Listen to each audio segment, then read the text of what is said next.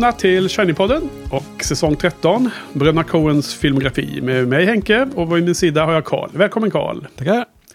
Så nu har vi kommit fram här till eh, eh, sista avsnittet innan semesterbreak för Shinypodden. Och just nu är det ju svinvarmt i Stockholm här där vi bor. Och eh, så jag börjar bli lite mer sugen på semester nu. Mm. Hur är du själv? Hur, hur, hur står det till i värmen? Ja, nej precis. Det är dags att vara ledig, men eh, ja, Coen-filmer kan man eh, i och för sig alltid klämma. Ja, och ikväll ska vi prata om eh, den eh, femte då av tio filmer under den här säsongen när vi kompletterar upp till alla de 18 filmer som Bröderna Coen har gjort tillsammans. Så vilka filmer är det vi ska prata om idag? Om du kan presentera för lyssnarna. Jajamän, det är uh, The Man Who Wasn't There från 2001 och den parar vi ihop med en klassisk film noir, Double Indemnity, eller Kvinna utan samvete från 1944. Ja, precis. Bill Wilder-filmen där. Ja. Där du fiskat upp det svenska namnet. Mm, ja, det är så underbart. Ja, Kvinna utan samvete. Mm. Uh, ur uh, bilden av en femme fatale, tycker jag. Ja. Barbara Stanwyck här i det här fallet. Det ska bli spännande att prata om den senare ikväll. Eftersom vi förra veckan, både du och jag, eh, spekulerade i om, om det här skulle bli titeln när vi fattade storheten med filmen fullt ut. För både du och jag hade ju sett den tidigare och ville se om den för, för, för detta skäl. Då. Precis, för när vi snackade film noir och tipsade om eh, våra tio heta tips för, för Måns tidigare i, i, år så dök ju den här inte upp. Nej, men det var nästan Double Indemnity Memorialist, känns det som. Kanske med tanke på hur eh, omtalad och eh, så viktig inom film noir-genren som det känns som att den är. Och den eh, Bröderna Coen-filmen är ju något av en eh, modern film noir skulle vi kunna kalla det också va? Ja, ja absolut. En neo-noir kanske? Eh, ja, det får man väl säga. Mm. Om, om, det är moderna film noir, som det kanske kallas för neo-noir eller? Um, ja, där finns det viss eh, debatt om mm-hmm. bland de lärde. Tror jag. Att eh, man... Alltså, är en neofilm av någonting så vill man att den utvecklar konceptet eller talar till den mer klassiska genren på något sätt. Ja. Att man eh, gör någonting, eh, twistar till det lite. Och det kanske är fallet här. Men eh, man bör väl också kunna göra bara en ren klassisk film noir. Mm. Att det inte behöver vara eh, eh, bundet i tiden, även om man brukar säga Ja, okej, okay, vad, vad intressant. Jag, inte, hade inte riktigt koll på den nedbrytningen. Så då, jag förstod att det måste finnas någon sån analys såklart, men jag hade inte koll på den. Men då, då skulle man nästan kunna, då skulle jag nog nästan vilja säga att den här Brunna Cohen-filmen är mer klassisk film noir än en, en reaktion på klassisk film noir. Uh, ja, kanske. Ja, uh, vi får se. Okay. Låt oss återkomma led. till vad det kan vara. Så se om vi kommer ihåg att återknyta till den frågan. Därför först då så tänkte jag i sann filmskolan-anda här som jag och Måns alltid gjorde. Att uh, kolla om du har sett något spännande utanför listan av filmer vi skulle se för podden. Mm. Jag har varit och sett Wes Andersons Asteroid City. Wow. Ja, eh, den var faktiskt väldigt, väldigt rolig. Eh, det är, jag är inte någon superfan av Wes Anderson tidigare, men eh, har alltid haft känslan lite att jag borde gilla honom mer än vad jag gör. Mm. Han har så väldigt, eh, jag vet inte, genomtänkt stil. Det är så väldigt mycket eh, kompositioner som borde vara tilltalande. Mm. som brukar bli lite för mycket för mig. Eh, man brukar för, väl... för mycket eh, form och färg över innehåll eller? Ja, precis. Att det inte finns något riktigt någon substans i det där. Man brukar väl snacka om hans filmer som lite så här dockhusfilmer. Ja. Eh, men eh, här funkar de bitarna bra. Ja. men sen är den också väldigt, väldigt rolig. Kul att höra, för du var, du var på någon förhandsvisning via filmfestivalen tror jag. Just det. Ja.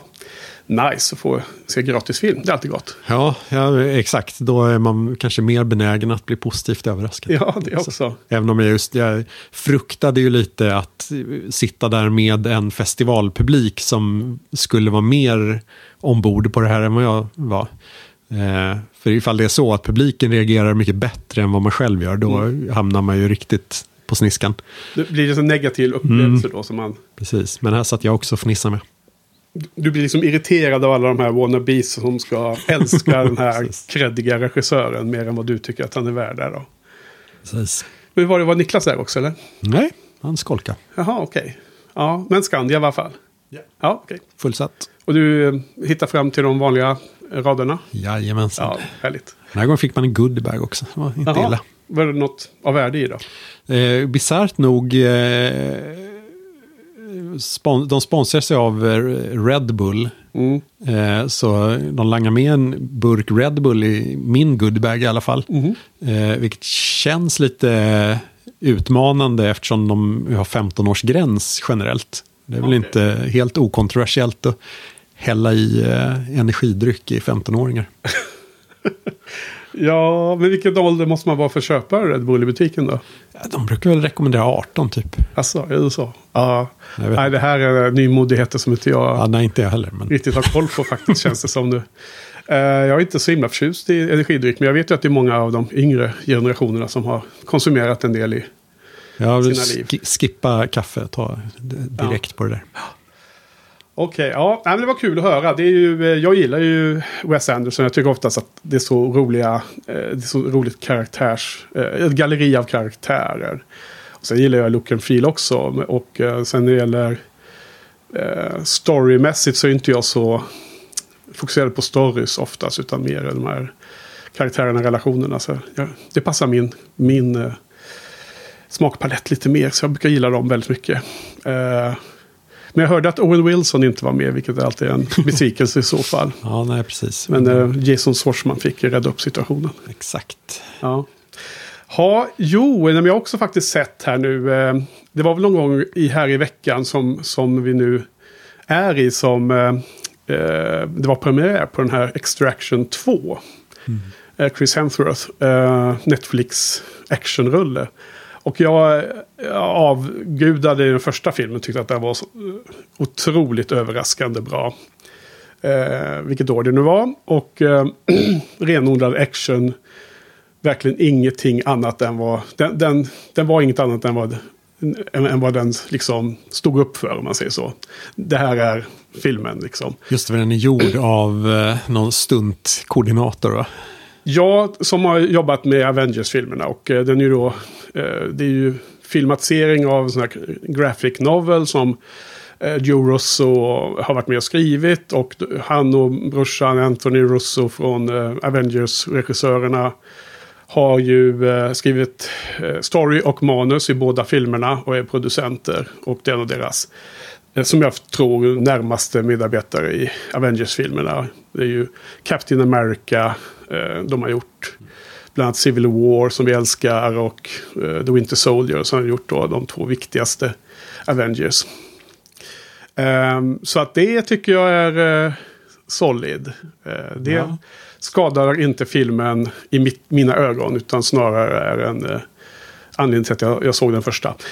Eh, nu var man ju väldigt, väldigt skeptisk till att ska här gå att åter upp, ska, eh, liksom, följa upp på ett bra sätt. Eh, jag såg i eftertexten att det här också byggde på en graphic novel av samma snubbe som jag utgår från. Det är samma karaktär och så. Så jag tror faktiskt att den var eh, lite bättre på det sättet att det var ju en egen grundförlaga som man inte bara har skrivit ihop en uppföljare. Du vet hur dåligt det kan bli då. Just. För att den här filmen hade ganska annorlunda fil. Och look också. Den första var ju grymt häftig, eller inte häftig men snygg i färgerna och det. det gula, orangea, varma färgerna. Um, kändes som en, om man tittar in i en dröm, andra färger än vad man är van med. Medan den här nya filmen var liksom sån här fult då. Eh, det var, du vet, eh, man pratade om det när, när Bilbo-filmerna kom, att det var några högre, f- vad heter det, bit, eller filmrate. Frame rate. Frame att det såg ut som eh, en rapportsändning från 80-talet med de här liksom urvattnade bleka färgerna. Och det var liksom mer i den världen det här. Det var smutsigt och fult, det var lite mer som Born Identity-feelingen. Ehm, och det var väl säkert tänkt så då. Utspela sig inte i ett varmt land i Asien utan ett kallt, bistert land i Europa istället. Ehm, så jag tycker att det är lite trist. Sen... eh, ehm, men filmen var ändå bra. Inte alls lika bra som den första, men bra nog att stå på egna ben. Och eh, helt klart en rekommendation. Sen är det lite eh, filosoferande här om sådana här actionhjältar. För nu finns det ju bra många av dem då. Vi har ju John Wick förstås. Och vi har ju G- Reacher. Och vi har ju The Equalizer med Denzel Washington. Och du vet eh, Taken-filmen, alla de här med eh, eh manliga eh, actionhjältar som tenderar att bli som superhjältar till slut. Liksom. Och jag tycker inte alls att de här filmerna där de är helt odödliga är kul. Där de kan bli skjutna hur många gånger som helst och ändå bara fortsätter lika effektiva i slagsmål. Och John Wick har ju som gått över den gränsen för lång tid sedan. Jag tycker det blir bara tradigt och tråkigt. Eh, och den första Extraction så var ju huvudpersonen ganska manglad i slutet. Men jag tyckte ändå att det höll ihop, att det var ändå någonstans inom man kunde liksom ändå köpa det på något sätt. Och sen då att han typ dog i slutet var ju också bra då. då. Fast sen visade det sig att han dog ju inte, för nu finns ju tvåan då. Eh, Men han hamnade åtminstone i koma och sådana grejer och var väldigt skadad efteråt. Och fick liksom, man fick till och med se kortare eh, rehabilitering och sånt. Och det, om du tittar, tittar på John Wick då, har du sett dem? Eller de fyra filmerna? Inte den fjärde. Nej, de går ju vägg i vägg i vägg. Ja, just det. Och han, han är ju redan helt eh, dödsmanglad och döende i slutet på första filmen. Så att Ja, det. det blir tråkigt. Så att den här bör, nu börjar det ju röra sig mot den gränsen att det till slut inte blir så. Känns inte som det finns stakes kvar om en huvudperson kan bli skjuten och knivad hur många gånger som helst utan att det händer något. Liksom. Så du är inte jättepeppad på en tredje film? Jo, absolut. Jag, menar, jag kan se Chris Hemsworth i det mesta, men eh, eh, jag, jag gillar hans aura och energi. Jag tycker han är charmig. Men eh, de får gärna liksom gaska upp sig och försöka ta graphic novel-världen där sånt här säkerligen är mer vanligt. Liksom, till att ta det ett snäpp närmare Born- Born-filmerna för att det ändå ska bli liksom, kännas på riktigt. Men jag, jag var nöjd. Det var perfekt för en fredagkväll kan jag säga. Trots att man satt här i värmen och svettades ihjäl.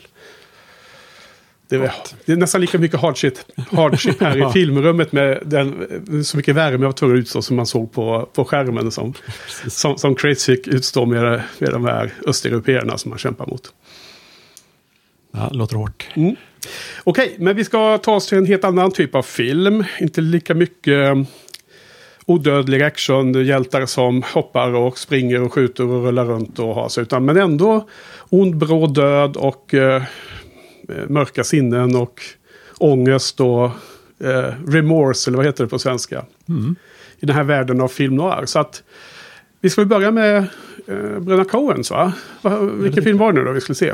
Ja, The Man Wasn't There. Ja. Ehm, 2001, Billy Bob Thornton i huvudrollen som en eh, frisör. Ehm, Just det. Ja, värsta lönnmördaren. det Ja. råkar väl bli så. Det är sådär som det gärna blir i en film noir. Mm. Att eh, han eh, kommer på en plan som han snubblar in på så råkar det gå lite överstyr. Mm. Ehm, så här, han är ju gift med eh, Frances McDormand, eh, Doris. Mm. Och de lever ett tradigt litet liv, verkar inte eh, ha en världens eh, kemi. Det är väl mer eller mindre kärlekslöst men ändå att de har någon form av eh, kompiskap på något sätt nästan va? Mm.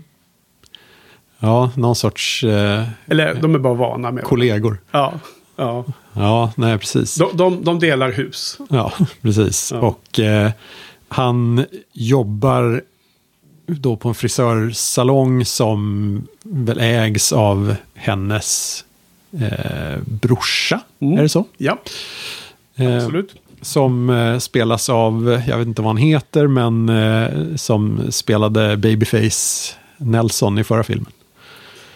Eh, förra filmen? Ja, okej, det är just det, det är han. Han heter ju Michael Badaluccio. Ja. Bal- Två C-rad, är det K eller Ba- Badalucco? Nej, Nej, det är. Mm, Rimligt. ja, C-H-E-K. Just det. Ja, Eh, ja, han är frejdig. precis. Men... ehm, Ja, vi, vi spoilar ju som alltid filmerna. Och det gäller den här och kanske ännu mer nästa film också. Men hur mycket bör man säga om själva... I, i alla sådana här film noir-filmer så är det ju... Om det inte är en renodlad McGuffin som de försöker hitta eller komma, liksom ta. Så är det nästan som, även om det inte finns en, en, en de facto McGuffin så är det nästan alltid storyn en McGuffin i sig, eller? Eller hur, hur ser du på det? Liksom? Är, är det här riktiga mysteriefilmer eller är det liksom bara feeling och karaktärsstudie på vad som händer med människor som har begått brott? Eh, ja, nej, precis. Det är, är väl väldigt mycket ehm, just karaktärsutvecklingen, vad som ändå händer med dem, hur de eh, lyckas trassla in sig och, och allt är väl det viktiga. Eh, och vad det, hur de hanterar sin eh, etik och moral. Ja, för när vi pratade om film noir med Måns där för eh, många veckor sedan, månader sedan. Det, det var ju liksom definitionen på film noir som jag nu inte kommer ihåg exakt i huvudet. Men jag hade ju slagit upp den då. Men det var ju mycket om det här med den filosofiska aspekten och moral och etik. Ingick som en viktig del i det hela. och en komplex plott. Ja, just det. Den ska Ja. vara snårig. Det ska vara svårt vara. att hänga med. Ja, Ehm, vilket inte någon av dagens så filmer egentligen har. ja, oh, men det, det blir väl lite så här ändå att det är, eh, det är flera olika eh, små eh, plots som eh, man får följa. Att, att, ja, vi, vi spoilar ju fritt här. Att, Ja. Grejen är att han eh, vill, vill bli rik, väldigt mycket likt Fargo, eller hur? Det är väldigt mycket Jerry Landegard eh, eh, schemes han kommer på här. Att eh, han ska minsann eh, tjäna lite pengar för det kommer in en kund eh, som eh, har världens bästa idé eh, och Ja. ska starta kemtvättar. Dry cleaning, ja. men som också är en bra idé. Ja, ja, ja visst. Och eh, eh, behöver investeringspengar för det. Och eh, då vill den här frisören eh, hoppa på det. Men för att få pengarna så behöver han eh, pressa sin frus arbetsgivare på de pengarna. För han misstänker att frun har ihop det med den här chefen, spelad av James Gandolfini. Ja, Big Dave Brewster. Just det. Eh, och då tänker han sig att han ska kunna pressa pengar där. Eh, hotar med att avslöja deras affär. Eh, som han inte riktigt vet att det är någonting, eller hur? Han chansar. Eh, Ja, eh, jag, jag läser filmen som att han typ vet. Men sen om man då skulle ta det till en sån nivå att han ska presentera bevis så kanske han inte hade det. Nej. Men alltså han vet ju att det är så. ja, jo. Och han, han och och sin fru, de har ju inte sex och så här, de har ju inte haft det på typ år eller vad det är han säger. Och eh, han ser dem i, på sociala tillställningar för de umgås i samma eh, eh, crowd.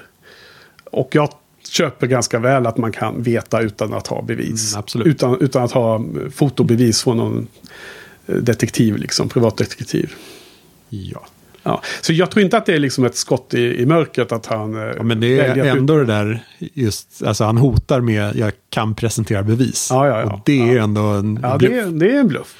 Ehm, som... eh, Vä, välfunnen. Ja, eh, men sen eh, är det ju då den här eh, eh, snubben eh, som ska starta kemtvätt. Mm. Underbar, eh, underbar John Polito. Mm.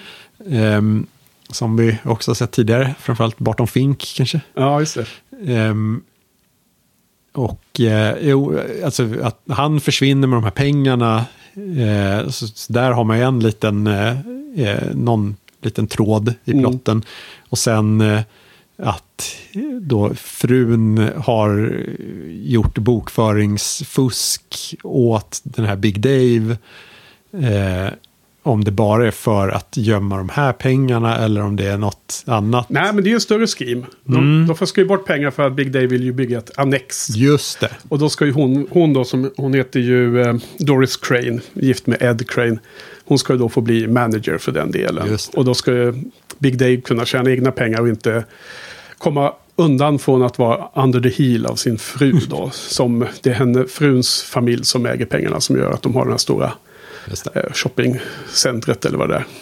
Så precis, även han eh, ja, har Ja, lite det samma finns sits. lite olika det är lite grejer. samma sits som Ed, Mm. Ed Crane.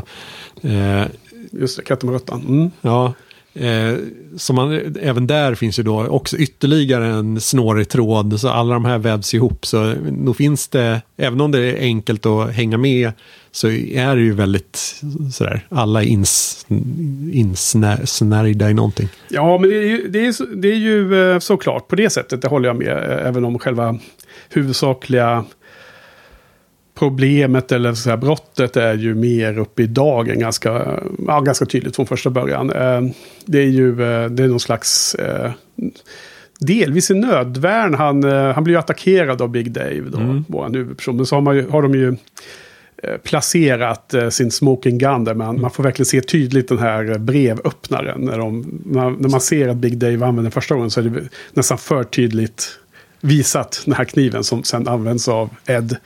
Att hugga Big Dave i halsen där, där den stora pulsådern går. Va? Mm. Så att han, han blöder snabbt ihjäl.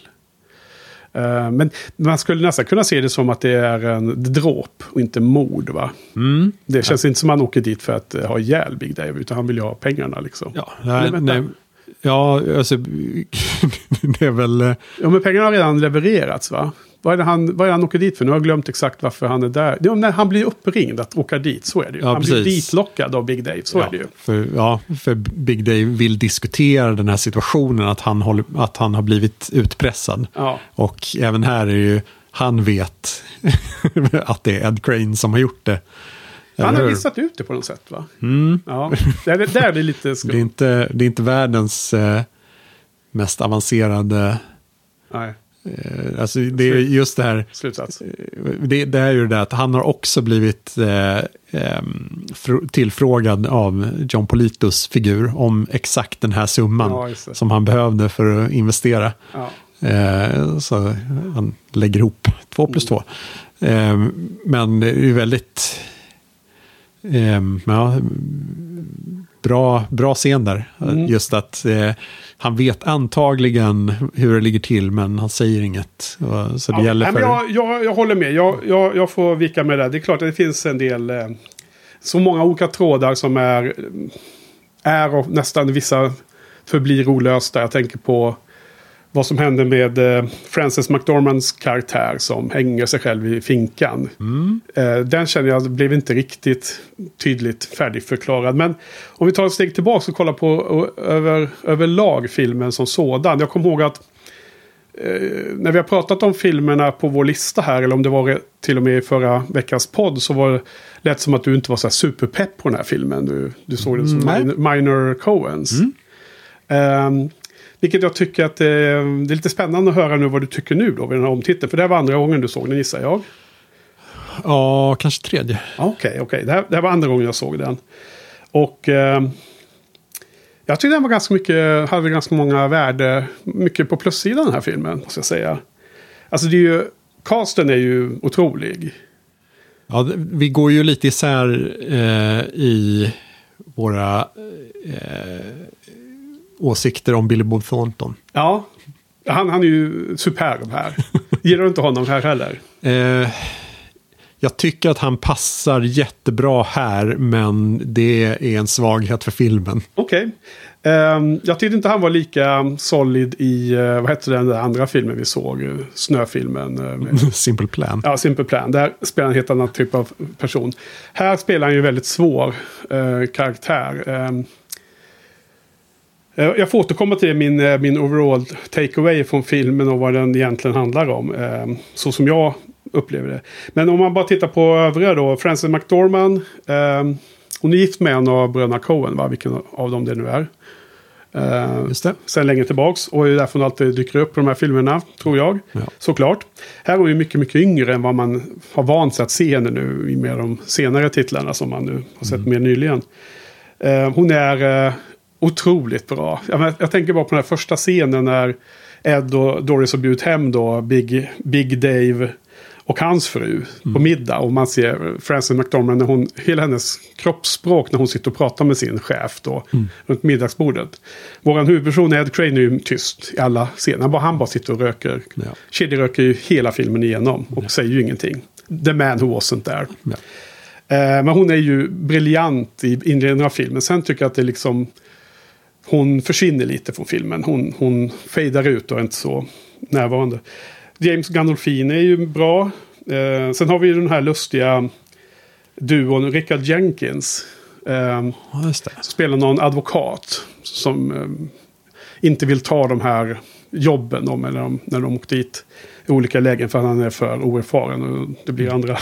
Och hans dotter då, Birdie Abundas, spelad av en ung Scarlett Johansson. Mm. Som måste vara en av hennes första roller. För att hon var typ 17 år när det här spelades in. Har jag räknat ut via min eh, excellenta matematikkunskap. ja, precis. Det här är väl ungefär samtidigt med Ghost World. Mm. Precis, det måste det vara. För den är nog... Eh, var det här 2000 va? 2001. 2001. Ja, men är inte Ghost World från 2002 eller sånt där? Möjligt. Ja, något liknande. Mm. Eh, och så har du redan eh, nämnt då John Polito och Michael Badaluccio. Ba Badaluccio. Och eh, vad heter, nu har jag inte skrivit upp vad han heter, den här stjärnadvokaten som de har. Men han är också lysande i sin roll tycker jag. Tony Shalhoub. Just det, just det. Eh, så det här är en väldig styrka i filmen. Och sen det andra som man direkt ser det är att det är ju helt briljant filmad. Alltså. Fotot är ju helt absurt bra. Ja, vilken comeback av eh, Roger Deakins efter eh, Oh Brother-debaclet. Ja. Mm. Här är det svartvitt. Tala om film noir, eh, klassiker, alltså element som är klassiska. Man pratar om de här skuggorna, de här vinklarna. Alfred Hitchcock. Ja, vi kommer ju prata. Det var ju mycket liknande typ av foto i Double Indemnity som man direkt tänkte på när man såg de här back-to-back. -back. Eh, men jag tycker att det här fotot här är ju överlägset bättre än Double Indemnity. Ja. Får, får, man tycka det ens eller? ja, absolut. Eh, det, de vräker verkligen på med här skuggor överallt. Ja. Eh, det, ja, det är underbart. Men det, det, det, är så clean och det är så skarpt och det, det är så genomtänkt. Jag menar den scenen vi har pratat om när Ed Crane blir inringd mitt i natten till varuhuset och det slutar med att han då hugger ihjäl Big Dave. När han kommer in i entrén och, man, fotot är från, kameran är från hissarna eller trappan ungefär och man ser Ed gå från skugga in i något ljus som är från eh, utomhusbelysningen och liknande. Och det är det här liksom du vet som det blir på natten när, när det är lite dammigt i mm. rummet. Det finns lite så här dammkorn i luften. Mm. Sen så kommer en ljuskägla mot det. Man ser den här, liksom, den här sörjan av damm i luften. Det är så mm. jäkla snyggt alltså. ja. Och svartvitt är ju extra effektfullt till den här typen av settings. Absolut. Ja. Eh, nej men så vad tyckte du då? Liksom, klev filmen fram och gav dig något nytt? Eller vad, blev det en aha-upplevelse eller är du fortfarande skeptiker? Eh, både och. Eh, det, det, det, det, som är bra blev nog mycket bättre. Och eh, den här gången så kändes det som att den här ligger kanske ganska nära Barton Fink just som du nämnde. Eh, med då John Polito och eh, Tony Shalhoub mm. som den här Freddy Riedenschneider, advokaten, ja. som eh, snackar eh, i har ett tempo i sina monologer. Mm. Bara vräker ut ord. Påminner ganska mycket om eh, han producenten spelade Michael Lerner i Barton Fink. Ja, den här chefen med det stora Ja, huset. precis. De åker och hälsar på. Ja. Ja, som bara maler på Ja. Eh, underbara monologer. Mm. Det, är, det är verkligen Coen eh, på topp. ja. Eh, men... Det är som Coens vill vara Quentin Tarantino. ja, nej, kanske inte. Ja, det kanske var ett, ett, Det- en taskspark av mig. ja, det är ett, Coen vill vara Howard Hawks kanske. Okej, okej. Mm, Säger så. det är mer. Ehm, och lyckas. Ja. Ehm, men det är ju det där, alltså, jag, jag förstår, det, det som gör den här lite neo-noir-artad är väl lite att det handlar just om den här eh, lite beige mannen som är så himla tråkig. Han eh, helt osynlig, ingen kommer ihåg honom. Det är därför han kan komma undan med de här brotten. För det är ingen noterar ens honom. Det är bara Birdie som någonsin har lagt honom på minnet. Eh, vilket är obekvämt nog. Ehm, och det gör ju att han är väldigt tråkig. Billy Bob Ja. Thornton passar ju jättebra som den. Eftersom jag tycker att han är så tråkig och blek eh, som skådis. Eh, men det, så det, blir liksom, de lyckas på pappret men det är ganska tråkigt att se en, del, en del av det. Ja, alltså. Jag vet inte när jag upptäckte Billy Bob Thornton, men jag är en stor fan. Och tycker inte att han är tråkig att se. Det kan ha varit den här filmen för övrigt, men det finns andra roller han har gjort också som jag har sett i alla fall. Nu, nu försvinner titlarna i huvudet på mig, men det finns fler. Jag vet jag och Frans har någon favorit. Frans har tipsat om någon bra film med honom där han spelar någon sån här air controller på något flygfält. När han sitter. Ja, just det. Ja, Push, pushing Tin. Pushing Tin, ja just det. Den är en annan film jag tycker den är bra. Ehm, och jag, jag, jag reagerar starkt emot i jämförelse med eh, han i Fargo. Eh, Jag tycker det är...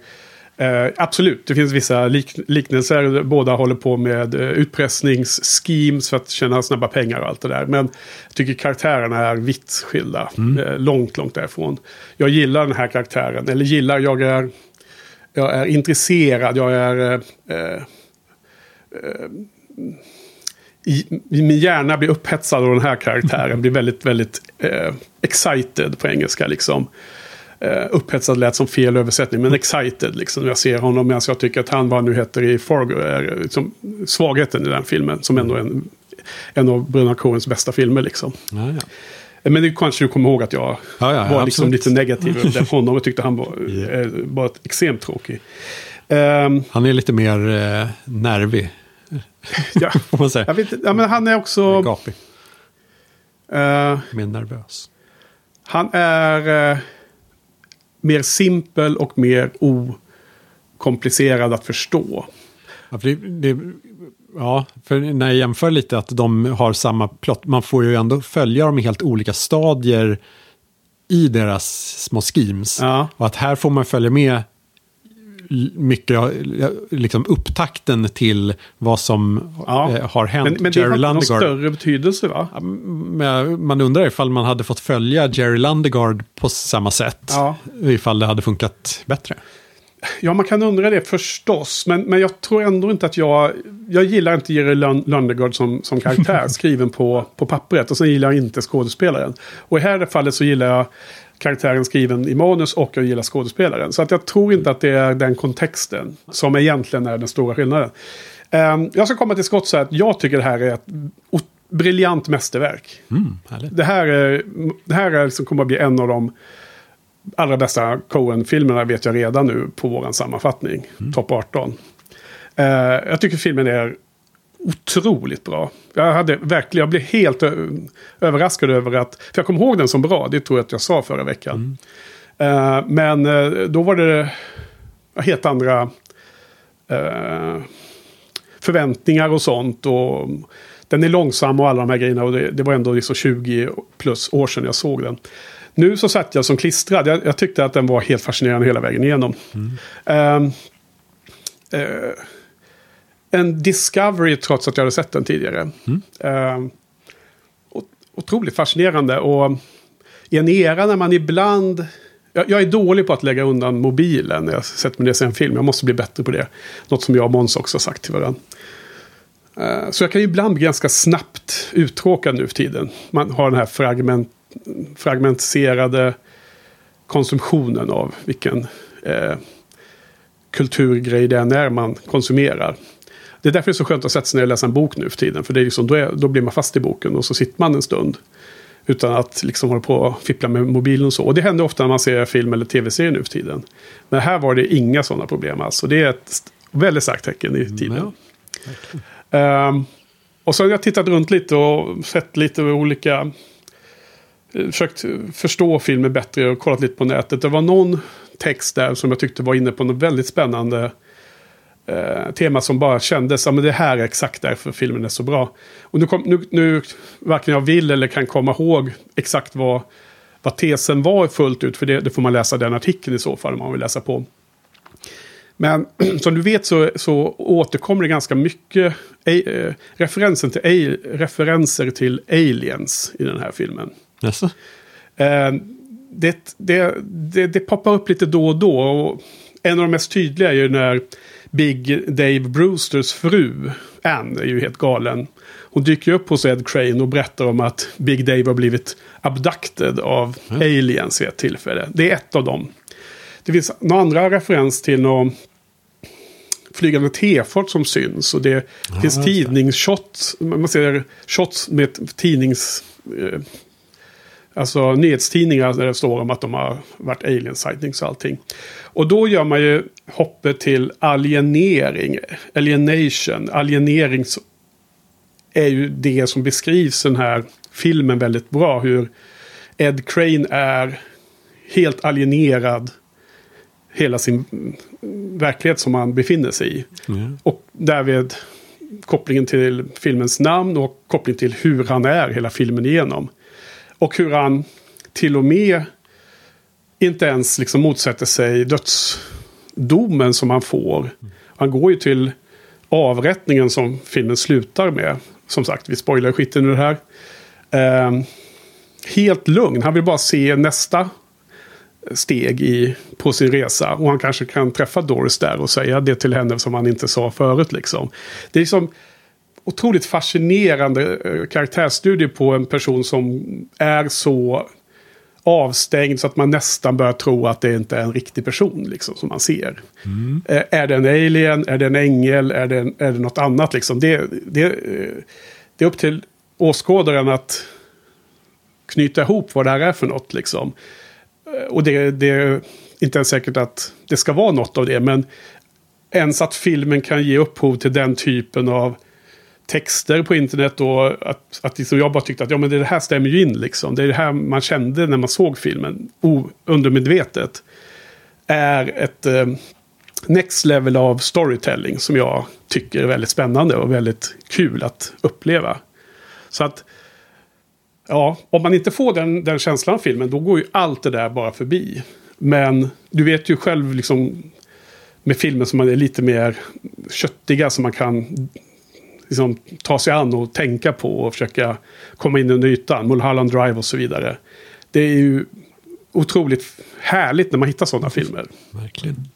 Så, så jag, det här är eh, en stor, stor positiv överraskning. Underbart. Ja.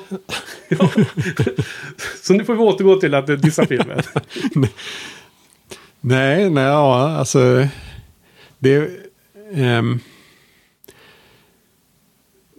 det f- finns ju väldigt mycket där, men ja, som sagt, jag eh, ser honom som att kasta in en person i en Howard Hawks-film som tycker att alla pladdrar för mycket och som bara vill att det ska vara tyst. Ja.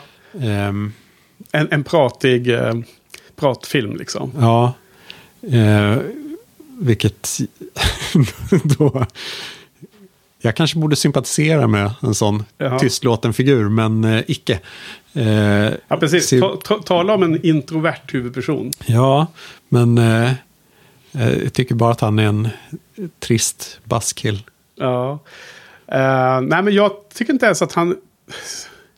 han, är, han är knappt en som en, som en buskill, utan han är snarare en person som kanske inte ens finns i rummet i någon enda scen han är i. Alltså, Det är den feelingen man får. Nu är inte filmen gjord så i övrigt, men det finns ju sådana filmer också, liksom där...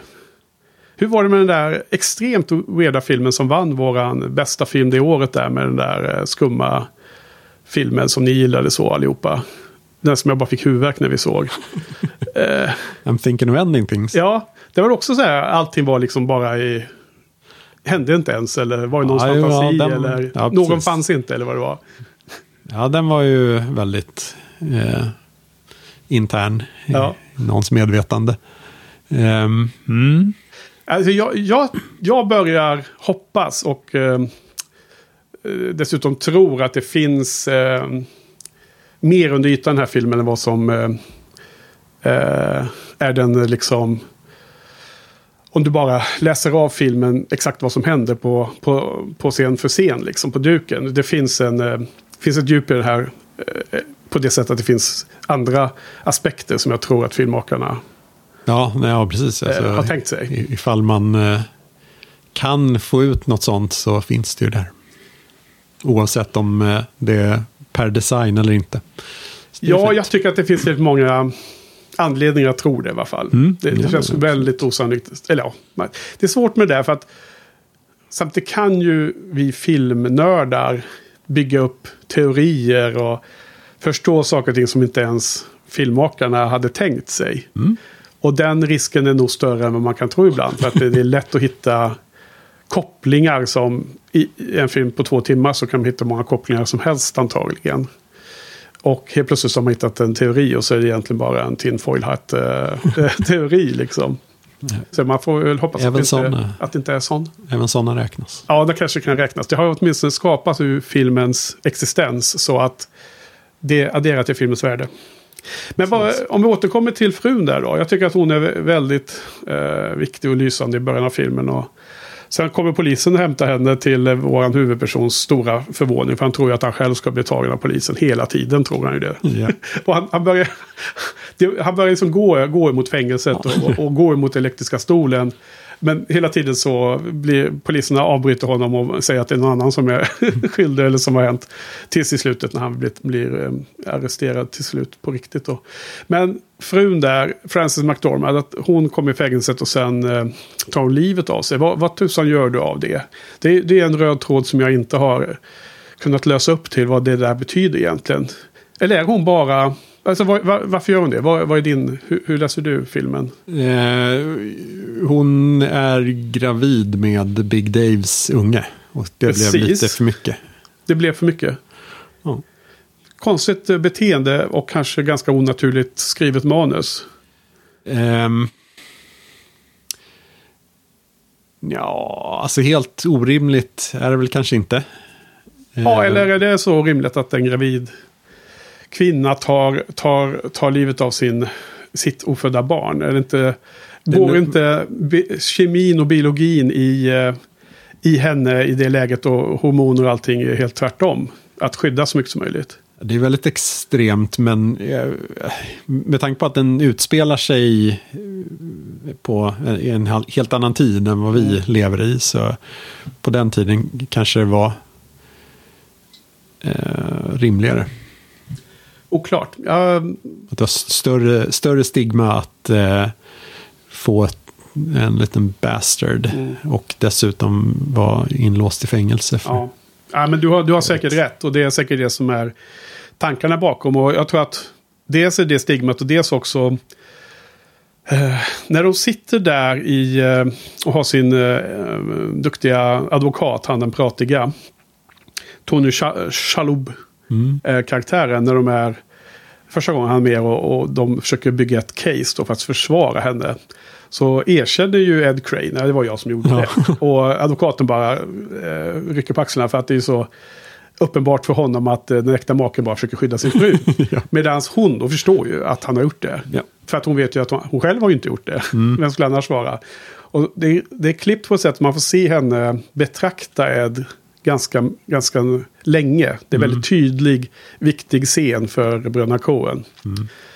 Och jag tror ju att hon, hon, skäms nog så mycket så att hon knappt kan leva med den Ja, skammen vad hon har gjort där. Ser det ut som på henne?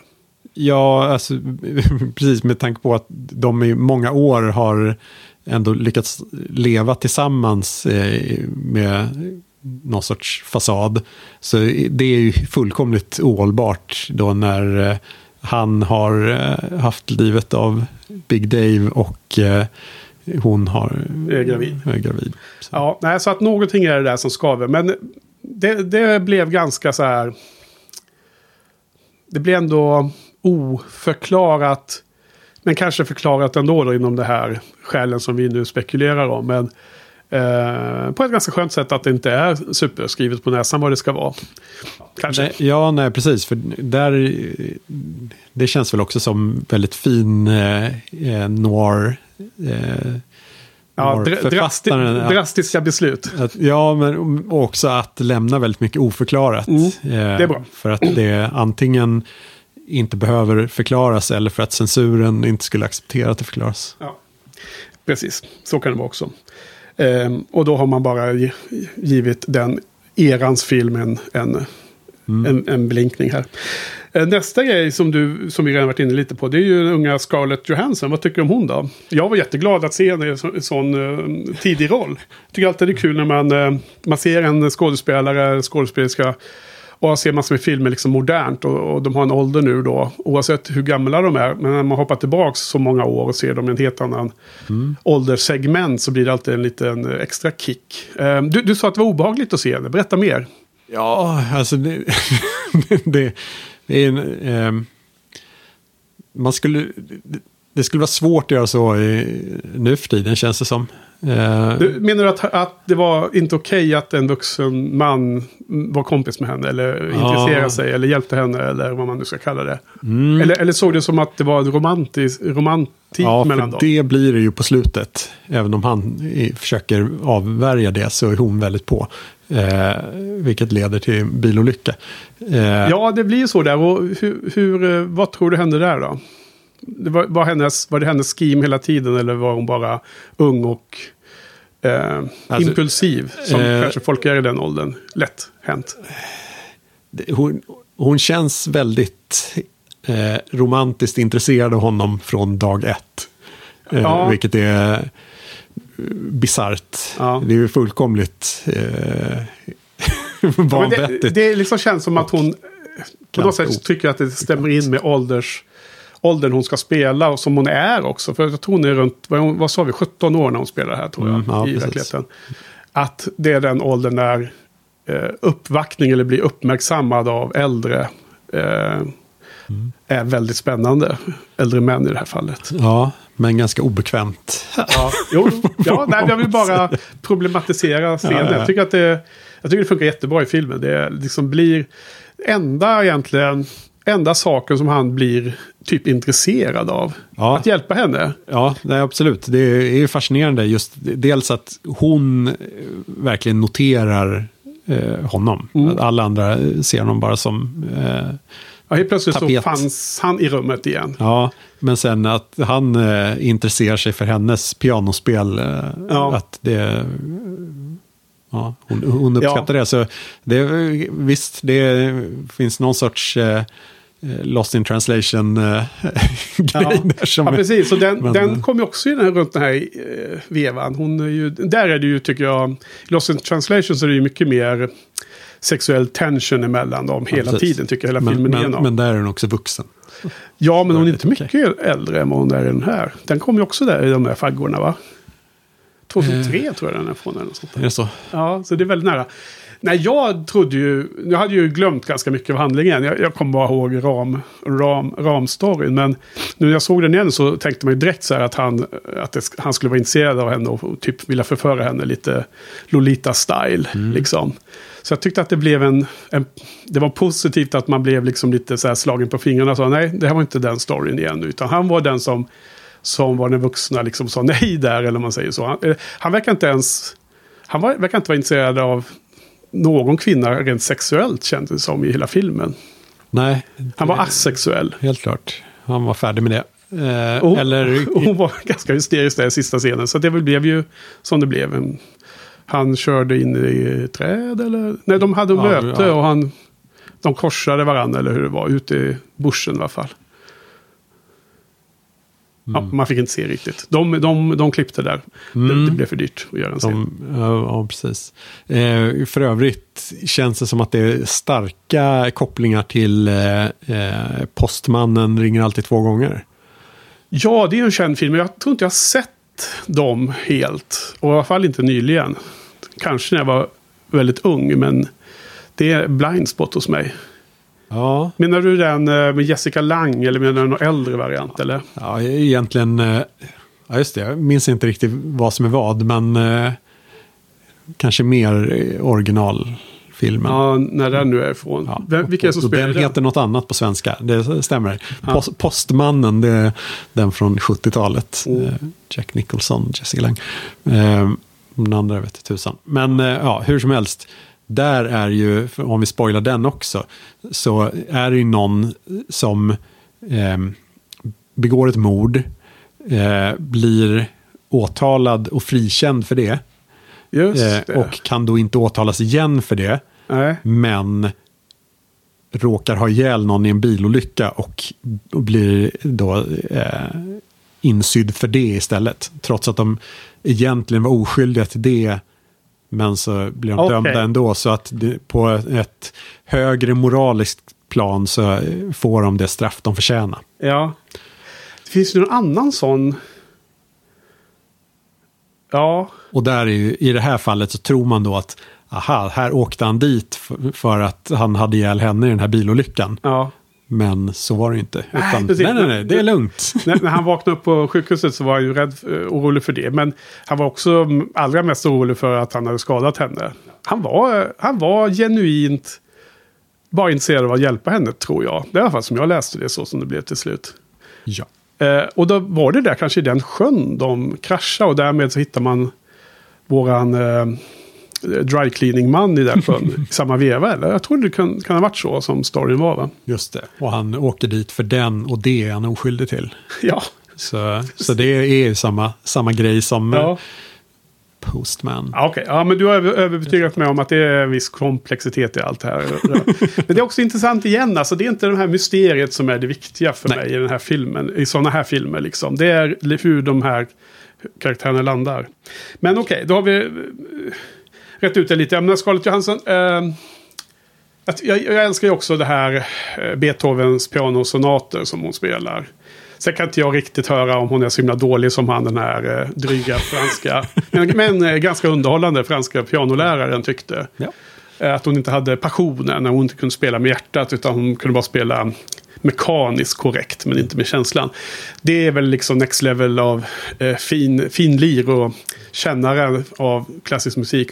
Eh, kanske fransk skulle säkert ha kunnat Ja, det. av, avtyda det. Men jag, jag kan bara njuta av Beethovens piano. Sonat för jag älskar Beethoven. Det är mycket, mycket att kräva av en eh, tonåring. Mm. Förvisso, men jag menar, hur gammal var Amadeus?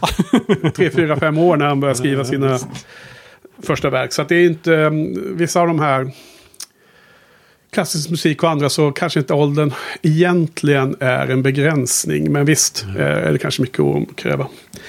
Ehm, en spaning jag har också om jag får kasta in det. Eller du kanske Kör vill ta någonting? Kör på. Ja, men om du kommer ihåg den här scenen som jag redan nämnt här nu när, när um, Anne, som gift med Big Dave, och numera änka då, när hon pratar om att Big Dave hade blivit tagen av eh, aliens. Hon kommer där ganska sent om kvällen slash natten till Ed Cranes hus.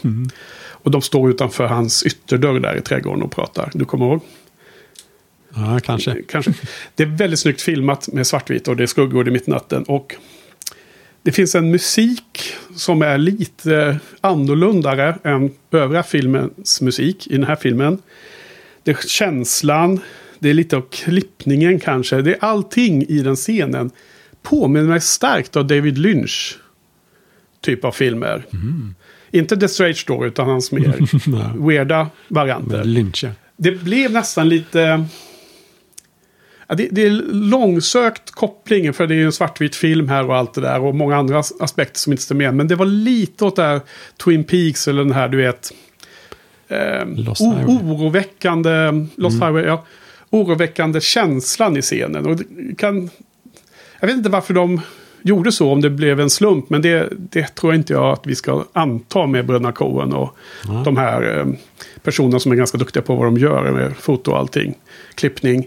Så det är någonting. Det kan vara det här med att hon pratar om det här alien abduction och allting. Att det ska liksom ge någon slags eerie liksom, känsla. Men jag bara klickade till så här. Men det är ju David Lynch eh, Härligt. scen här. Inkastade mitt i en film noir liksom.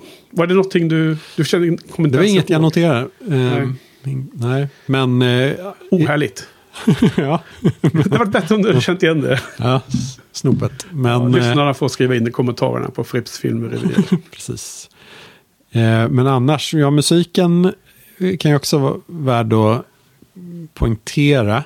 Ja. Jag brukar ju alltid gilla hur eh, Carter Burwell anpassar sig till de olika. Mm.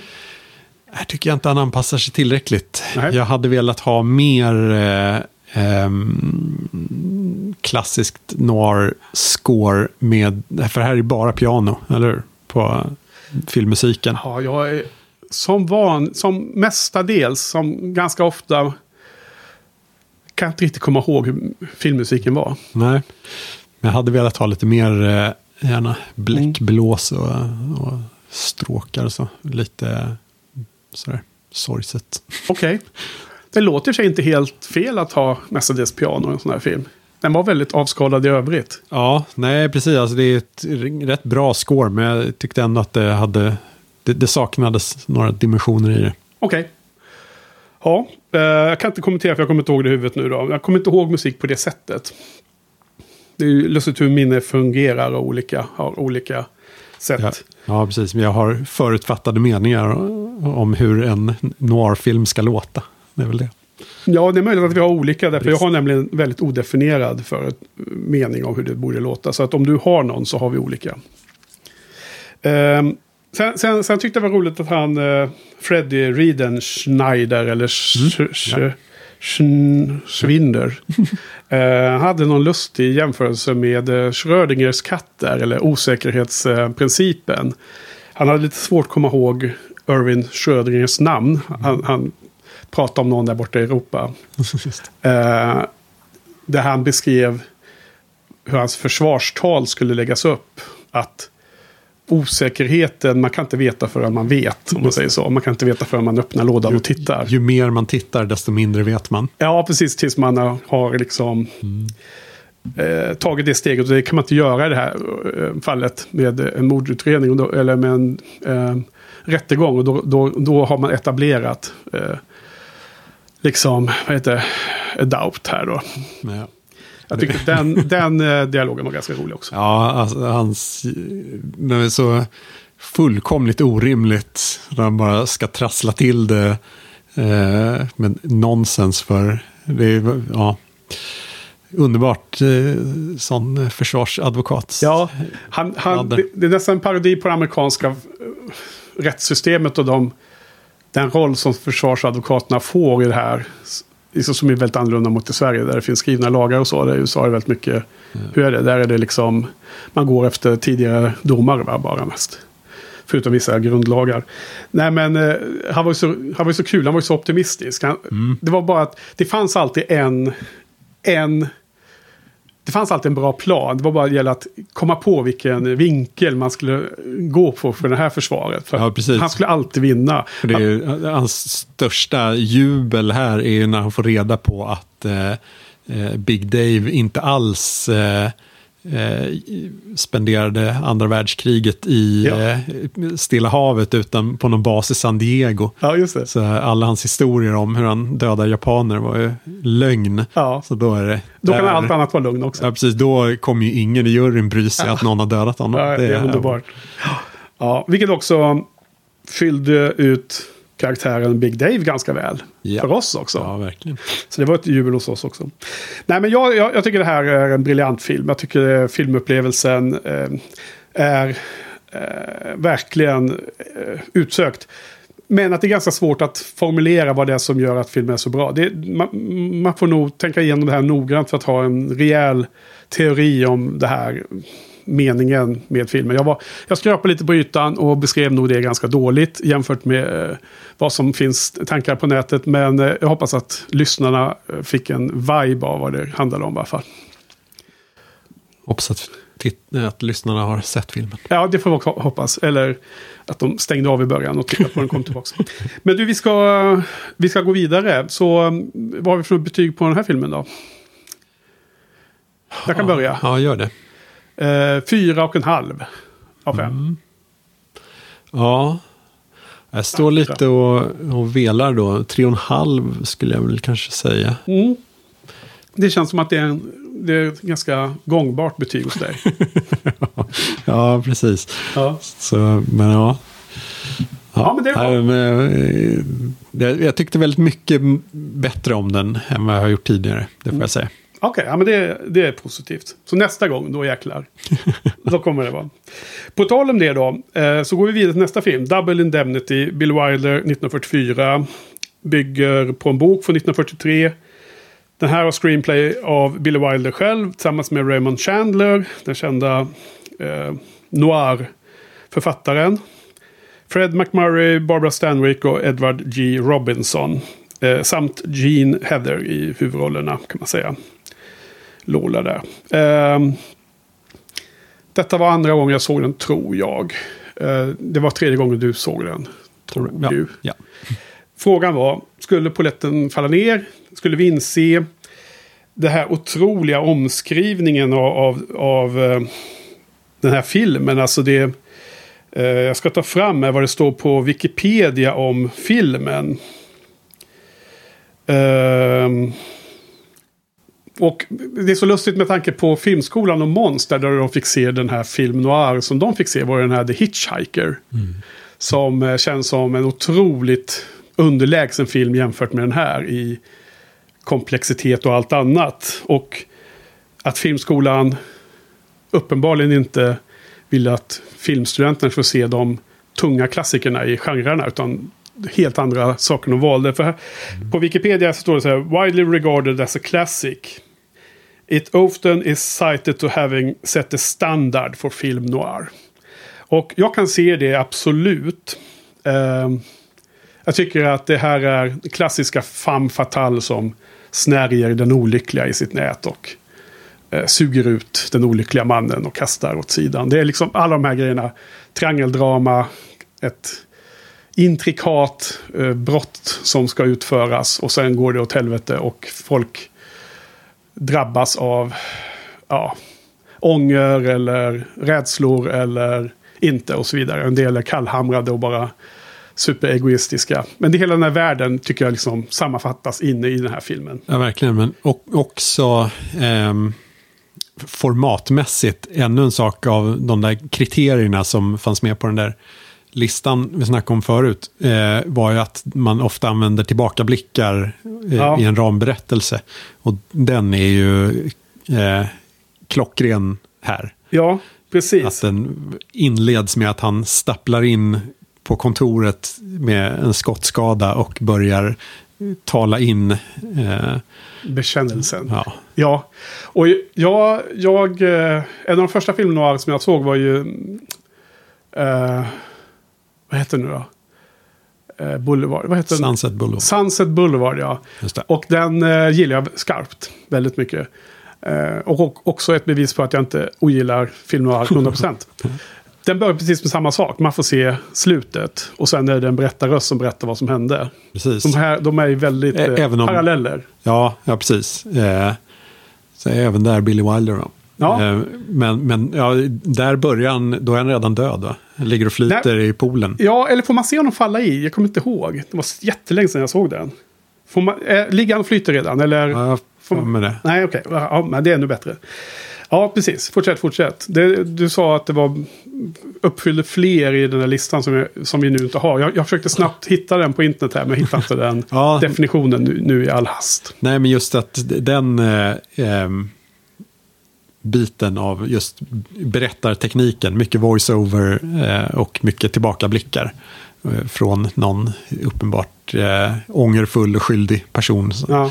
Så det är ju sånt man gärna förknippar med eh, film noir. Ja. Och som verkligen är, är eh, där han sätter standarden i den här filmen, får man säga. ja, verkligen. Och I Sunset Boulevard har jag för mig att huvudpersonen är verkligen oskyldig. I den här filmen är det ju mycket mer grumligt. jag vet inte ens om vår huvudperson Neff här nu, Walter Neff, Fred McMurray, McMurray, om han eh, typ ångrar sig. Han, han ångrar sig att det inte gick hem. Han är ett sånt här riktigt svin. Ja. Eh, någon sorts narcissist som absolut inte ser sin egen skuld i det hela. Ja. Men ändå eh, ger en bekännelse. För, eller hur han säger till och med något så här. Jag försöker inte skylla ifrån mig. Men här ska du få reda på vad Ja. som, varför saker hände. Eh, men jo, han försöker skylla ifrån Ja, sig. ja, Nej, men visst är det så att han inte ångrar sig. Han är liksom inte... Ja, så att... Så att eh, han, han spelar ju och har en charm i karaktären och även i skådespeleriet. Så att det är det han lever på, i den här karaktären.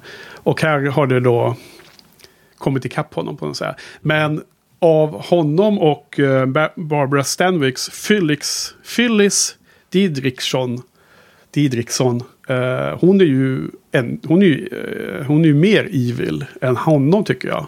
Hon har ju ingen, inte ens en uns av ånger.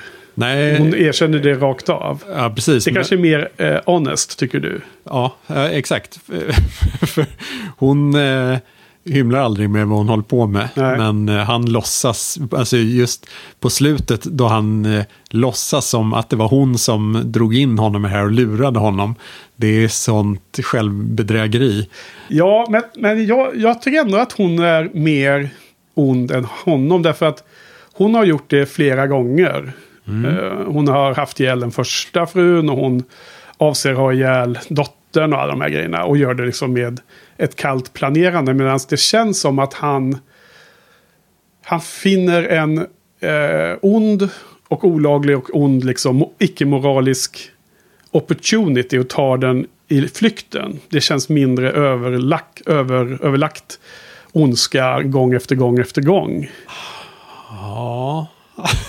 Det kanske inte är svårt att differentiera mellan ondska här, men jag, jag tycker att hon är mer ond än honom om man säger så, om man ska sätta på en skala.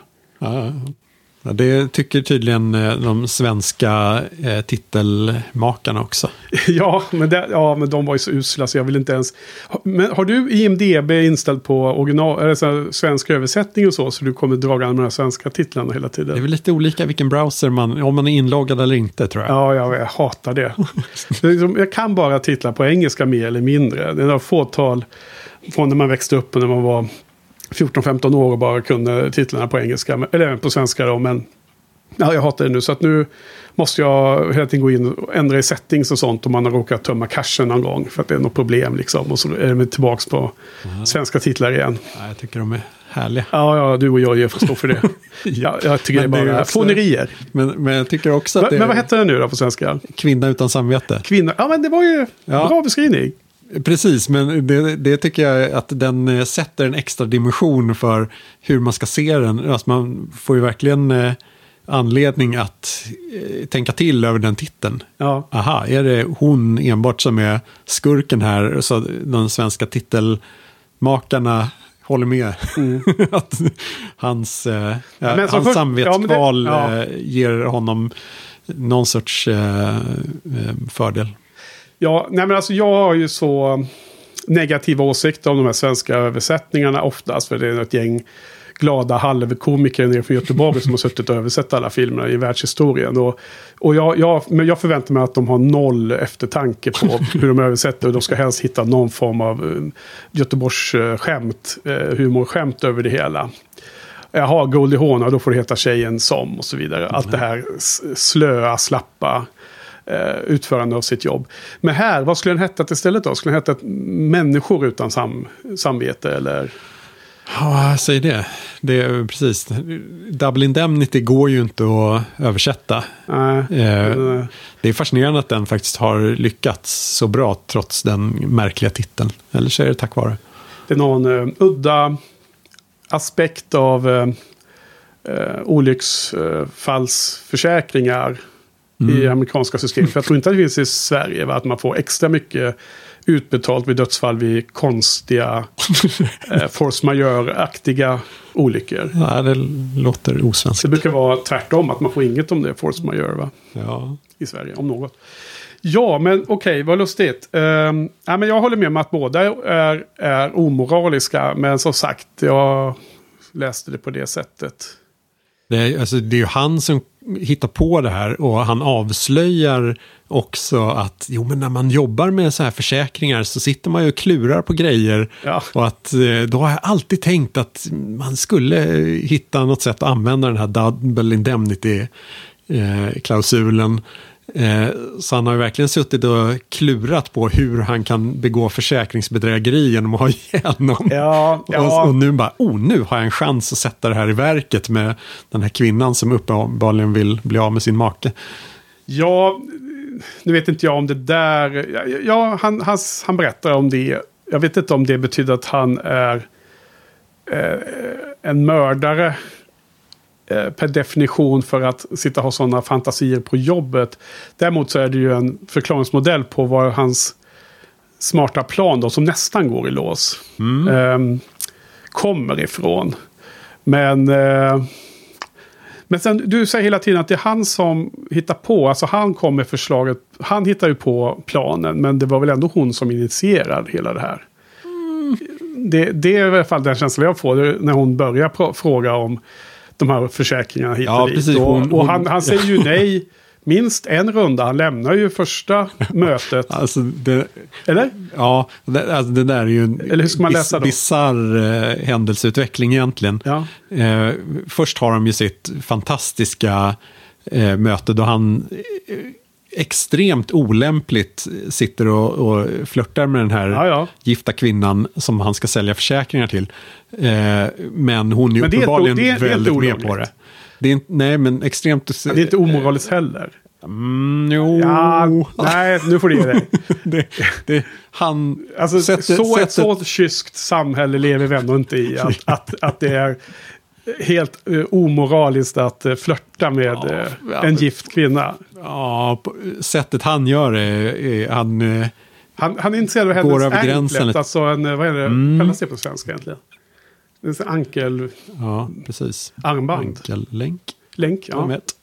Um, mm, eh, som hon typ stoppar upp i ansiktet på Som hon uppenbarligen har eh, satt där för att det ska dra till sig uppmärksamhet. Ja, eh, hon, hon lyckas. Ja, precis. Men eh, redan innan så eh, kör han ju också lite kommenterar på att hon eh, inte är klädd Mm, mm. Det, det, är mycket undermeningar i hela den dialogen. Ja, Men alltså, så dialogen filmen igenom är ju otrolig. Ja, och det, när vi snackade The Long Goodbye så eh, yrade jag ju om Raymond Chandlers eh, dialog. Ja. Och här säger du att han har varit inne och skrivit för filmen också. Ja. Så han kan det där. Får man säga. Alltså det, det är ju, Wilder, jag måste säga att det var det första jag skrev upp i mina notes var ju att dialogen är ju helt briljant tycker jag. Och den, är, den, den, den känns väldigt eh, omöjlig idag. Det skulle inte funka alls, allt det här. Eh, och du kanske är alldeles för eh, marinerad av alla, eh, alla smala eh, korridorer vi har att leva inom idag, inom kulturen. Eh, här känns det som att det är, trots massor med självcensur och annat, så tycker jag att de har en frihet och lätthet i dialogen som är eh, otroligt fräsch jämfört med hur, vad man kan göra idag, känns det som. Samtidigt så tänker jag att eh, när vi har ett ganska snävt självcensurerande klimat så borde det finnas utrymme för motsvarande. Att man har eh, mång, ja, mångtydliga... Eh, men, men inte ens den här eh, tonaliteten de har, alla, under, alla lustiga omskrivningar och Nej. undermeningar tror jag inte ens går hem riktigt idag. För att det är liksom... Det, det är så... Det känns som att det finns en... Eh, ett motstånd till någon form av... Jag vet inte ens hur de gör romantiska filmer längre idag. Därför att Nej. får män och kvinnor agera på det här sättet ens? Utan allting ska vara mer uppstyrt och mer avromantiserat på något sätt. Sen, För, för, att, för att det inte ska göra någon upprörd eller någon obekväm. Eller någon ska ha någon eh, känsla om det då som finns i den åskådarens huvud. ja, ja, visst. Eller hur? ja, det är många man inte ska stöta sig med. Ja. Eh, och sen måste man väl eh, tilltala eh, på alla möjliga språk och tilltala autister som inte vill ha dubbelmeningar och allt. Ja, precis. Och ehm, ja, nej men det kan man säga mycket om. Men i vilket fall som helst så tyckte jag att det var en väldigt så här tidsmarkör. Det kändes som att det här var, jag menar vi har också 40-talets alla sådana här romcoms och screwball col- comedies och Mm. Ja. His eh, Girl Friday och alla de här filmerna. Men här var det liksom det översatt till en film noir-värld. Ja, Jag, jag, ja. Mm. jag gillade, jag älskade di- dialogen. Ja, härligt. För ja, det är ju det främsta mm, just med de här. Ja. När, när dialogen är så sylvass. Det är ju verkligen eh, som att de attackerar med varje replik. Ja. Att de står och boxas där.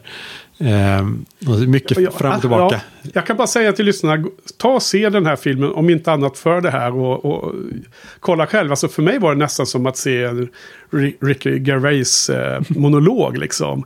Att den var lite, wow, ja, good, bra. Liksom, kör på, det här var, en- det här var kul. Var, var, var någonstans ska den här, den här samtalet ta vägen liksom? Lite den känslan. Så väldigt, ja, eh, underbart. Men som sagt, efter deras det där första lilla meet Mm, cute det. eh, och hon vill då eh, fixa en olycksfallsförsäkring åt sin man utan hans vetskap. Något av en röd flagga. något, något misstänksamt. Vilket den här försäkringsförsäljaren noterar och säger absolut nej, går därifrån.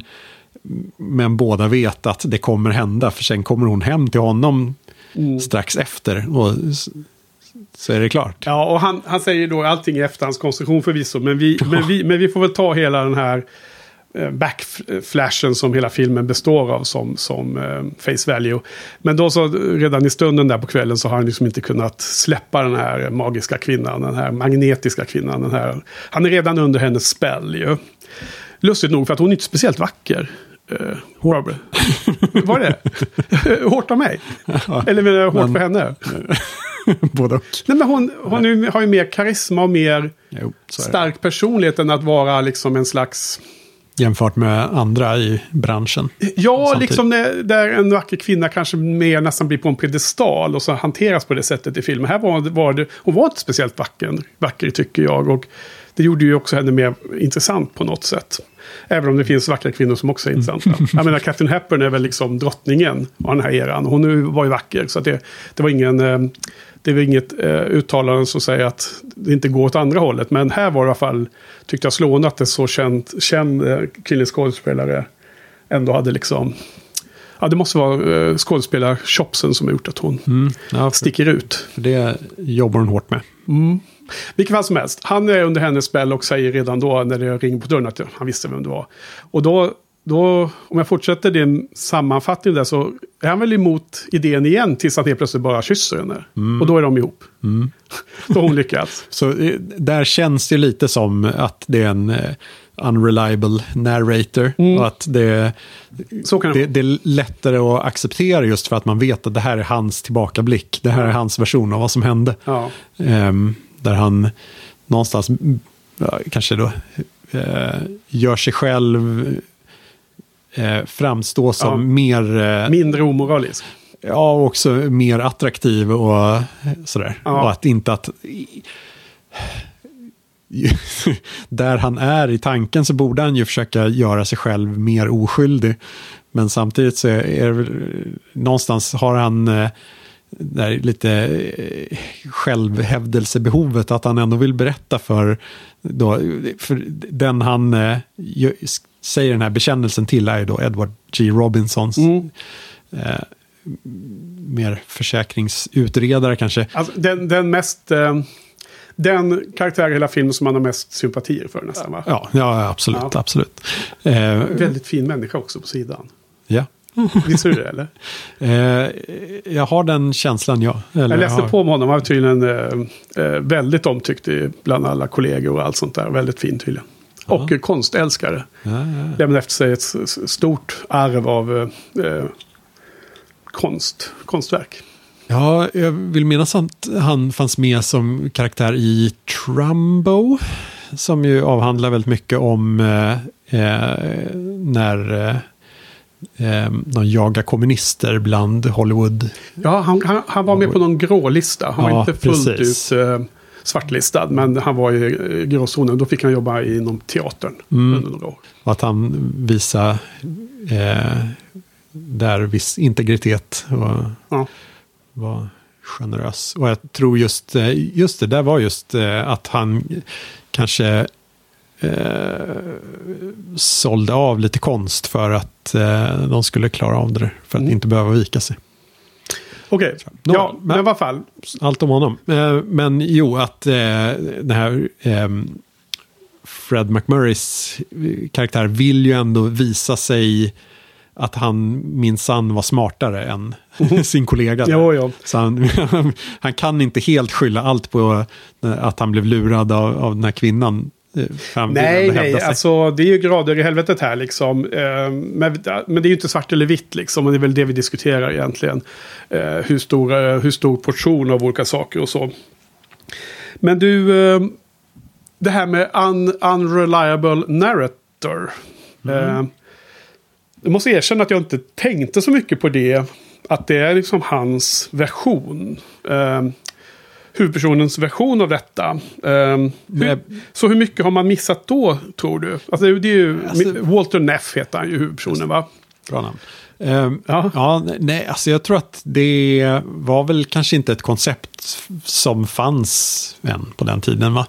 Utan att det kanske var någonstans så hittar man på det senare. Ja. Att de här, för jag tror att man ska väl tolka sådana här eh, flashbacks som verkligheten. Men Jaha. samtidigt så om det finns lite delar i berättelsen som känns forcerade så Ja, kan man ändå förklara bort det. Ja, Det exakt. hans eller, eller lite för tillrättalagda så det någonting att han kom ihåg sin egen insats som mer positiv. Mm. Nej, men jag för mig, det känns som att jag och Frans pratade om det begreppet i samband med någon Hitchcock-film. Men, Mm. men jag är inte helt hundra. Jag kommer dessutom inte ihåg vilken film det skulle varit. Men eh, det är ju ett spännande koncept i alla fall. Som om det finns så bör man verkligen ha koll på det. För annars, för då, annars Ja. uppfattar man filmen helt fel tror jag. Ja, precis. Men samtidigt så är det, det är ett, Avancerat. farligt, ett farligt koncept. Det är lite som det här att ja, hela filmen var en dröm. Ja. Eh, så what? Ja, det är, det- någonstans så måste det ju vara att det man faktiskt ser måste ju betyda något i slutändan. Ja, exakt. Det, det är farligt på det sättet att det kan, miss, det kan göras dåligt och då blir det uselt. Eh, och, det, och man kan också fuska sig igenom. Det är ungefär som tidsresefilmer. Om man gör det för slarvigt så blir det bara blaj. Det finns nästan... Ja, det, jag tror att majoritet av alla tidsresefilmer är ju dåliga på grund av att man inte löser den utmaning man själv sätter sig i genom att jobba med tidsresefilmer. Ja, tycker jag personligen. Så där är det samma problematik. Men du... Eh, eh, så det är intressant. Eh, men eh, vad var det mer jag tänkte säga? Nu har jag helt tappat eh, tråden. Så fortsätt du istället. Um, ja, vad ska man säga? De... Eh, det, det är ju ingen jättesmart plan de har. Eh, är det inte? Det är väl en eh, jättesmart plan. Om man nu ska lyckas med den här schemen. Ja, eh, ja, men samtidigt just när de eh, ehm, sa det där att han har brutit benet Ja, eller foten eller något, så han går på kryckor. Så är det första tanken är ju, ja just det, vi gav honom en olycksfallsförsäkring som han inte känner till. Eh, hur ska vi förklara att han inte anmälde det här benbrottet? ja. Det, det, den tanken slår aldrig dem. Nej, det gör ju inte det. Och det är det som, som våran eh, kompis Barton Keys, kollegan. Eh, han som tar emot eh, claimsen där då va. Det är så han löser det. är så han kommer på hela, Ja, hela skrimen. Eh, ja, jag vet inte. Jag tyckte ändå att det var som att det bygger ju på att det är någonting som ska fallera till att börja med. Det är inte ett vattentätt Nej. case, för då hade inte filmen blivit av. Eh, så någonting måste det ju vara. Men du, du tycker att det var så uppenbart att, att Walter Neff borde ha tänkt på det här, eller? Ja, Ja. ja, jag har inte funderat på det speciellt mycket. det, men ja, man får väl förstå att de var så fast i sin plan. Eh, det, det är också roligt eh, när de håller på och förbereda saker och inte ska träffas utan stämmer träff i någon Ja. livsmedelsbutik. Ja. Eh, det är ganska kul scener med andra kunder som eh, eh, tvingas Ja. hantera att de står där och är hemliga. Också ja, skönt sätt att vara diskret, ha solglasögon, stå och tissla och tassla. Ja, precis.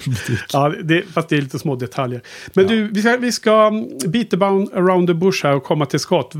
Skulle vilja höra vad du tyckte om filmen. Om det fick poletten att ramla ner eller inte. Så vi etablerar de, de, den status här i, i diskussionen hos dig och mig. Vad, vad, vad tyckte du den här gången då? Är det den superklassiker som den omskrivs om? Och, Eh, det blir lite samma som eh, eh, The Man Who Wasn't There. Att det är lite åt båda hållen. Att dels, eh, ja, eh, hantverksmässigt eh, fullständigt guld. Eh, men samtidigt är det inte riktigt en historia för mig. Det här att man får följa två stycken genomruttna skurkar bara. Mm. Eh, det, man sympatiserar inte det minsta med någon av de två. Nej. Och det, då är det lite svårt. För att all hans ånger och våndor sådär känns ju bara eh, som, det, gör honom ännu värre nästan. Just för Ja, han, han- jag vet han- att han har inte sann ånger för vad han har gjort utan Nej. för att eh, han vill smita undan ansvar för vad han har gjort. Ja, precis. Han vill klara sig istället.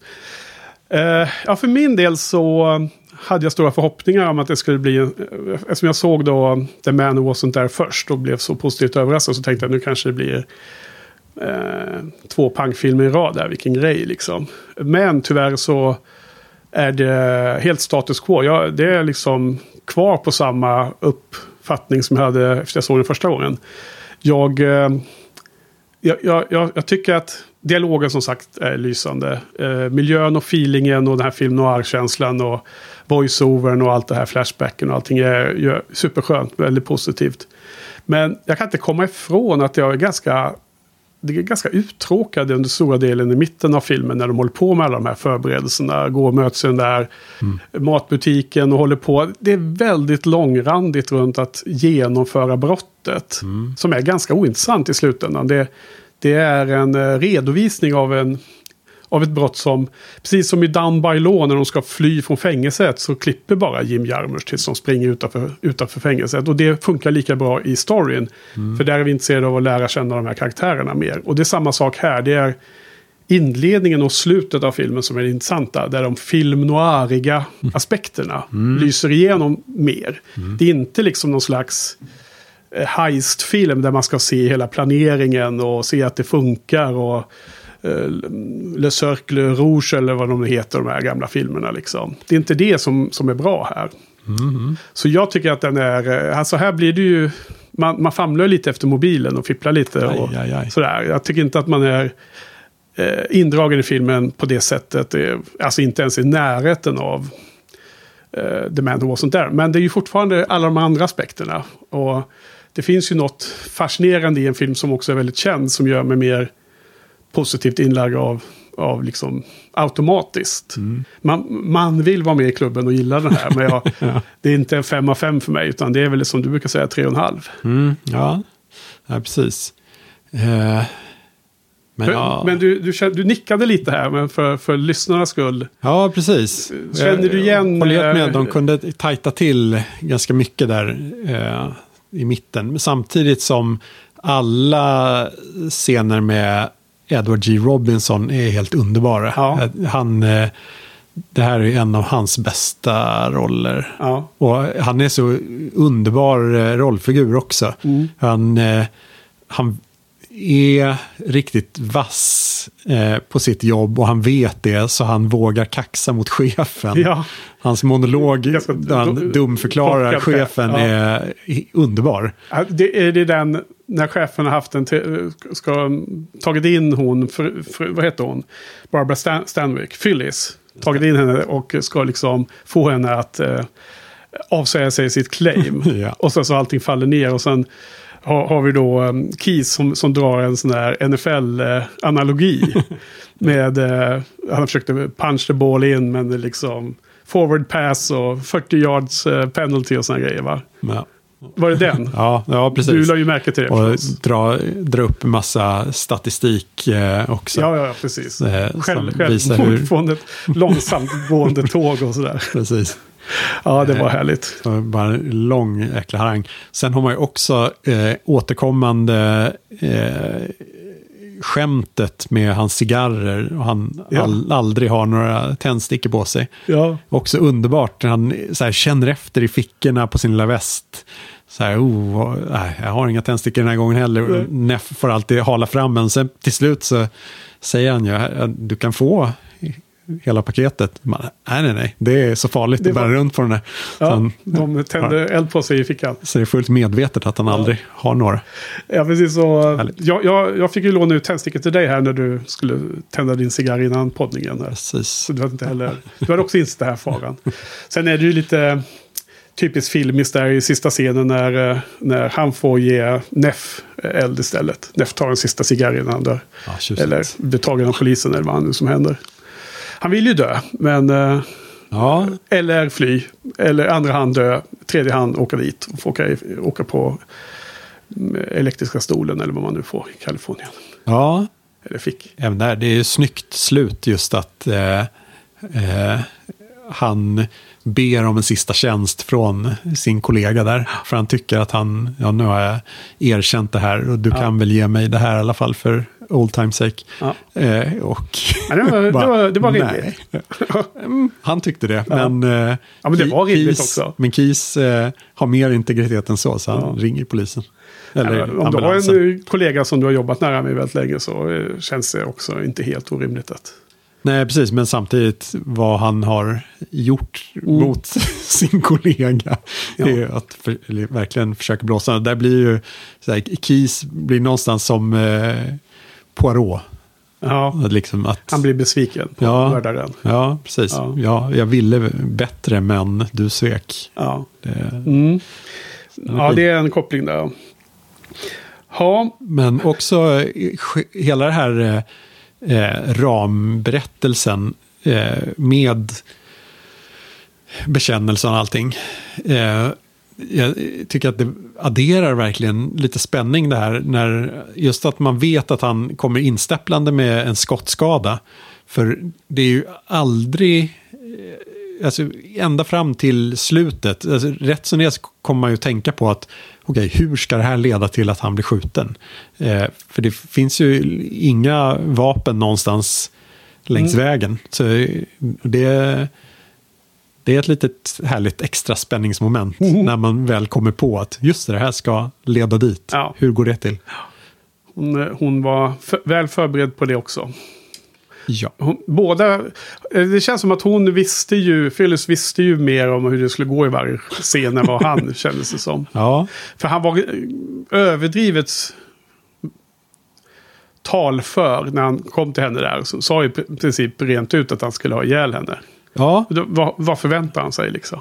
Om inte blir skjuten så hugg med en ispicka eller vad som helst liksom. ja han, precis. Han, ja, Han var in, inte jättesmart. Hemsk människa. Och oklart om han var um, tillförlitlig berättarröst där också faktiskt i den scenen. Det Ja, bara så- dåligt skrivet.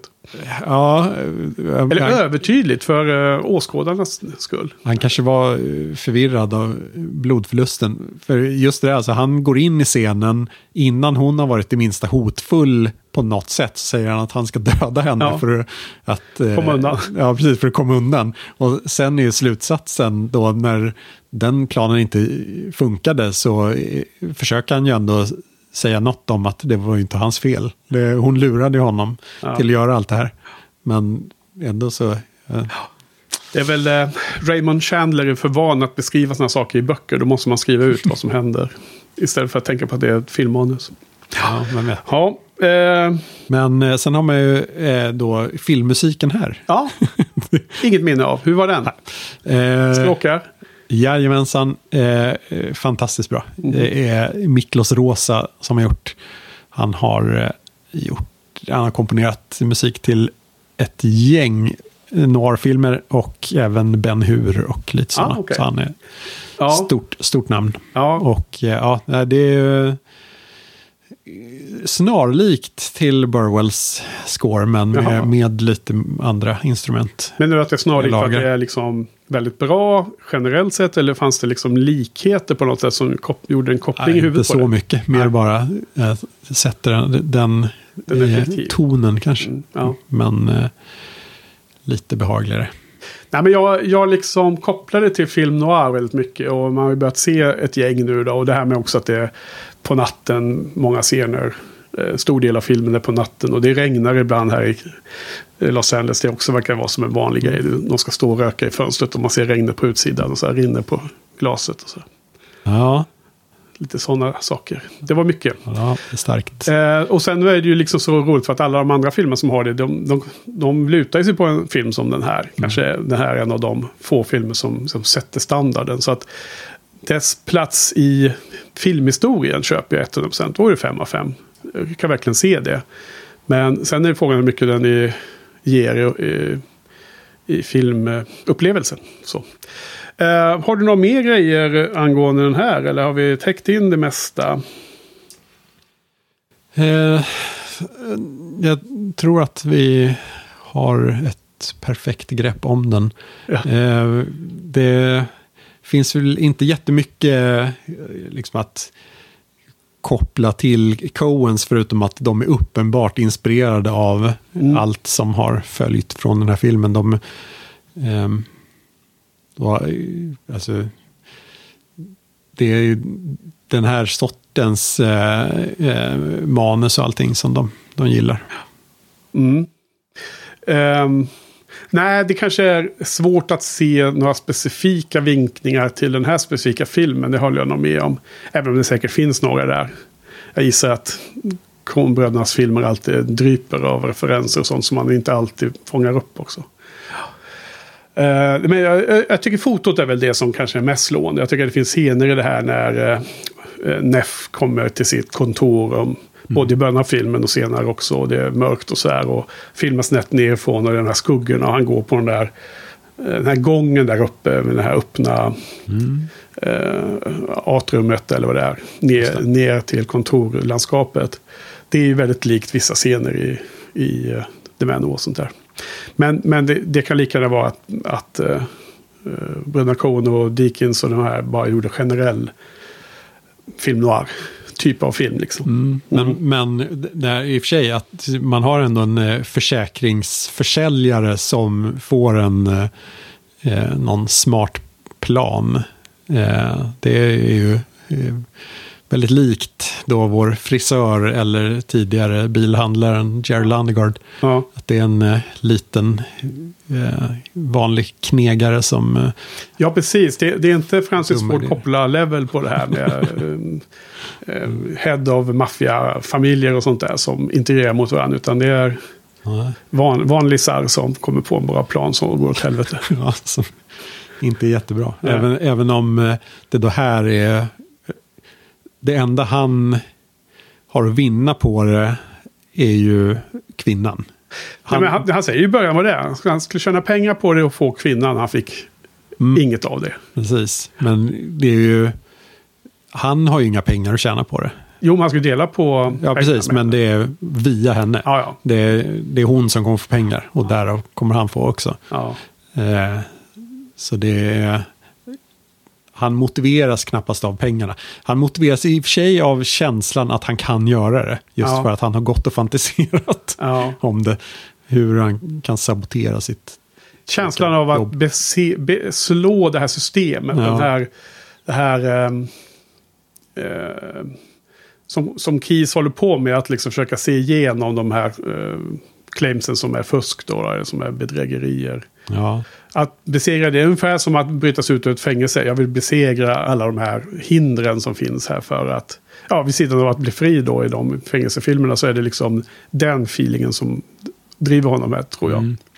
Och där, det skiljer sig helt då från, från eh, Ed Crane, eh, som vill någonstans eh, hoppa på framtiden, så här, haka på, eh, eh, här, satsa på det som kommer Ja, funka men det- fram, det- framåt. ja. Det är en eh, spännande vinkel Ja. på det. Och, och det, det som, som är lustigt med den filmen är att det känns inte som man är speciellt engagerad i det heller. Utan det är bara som att ja, det är en annan möjlighet att bara existera. Att vara, vara en Ja. passiv delägare av en sån business. Det. Ja, Han precis. säger att det är tråkigt att jobba som eh, eh, frisör. Men Mm. man får en känsla av att det är en karaktär som The man who wasn't there som bara kommer tycka att det är tråkigt vad han, vad han än gör. Mm, men Absolut. Så att eh, det är lite mer så här skumt.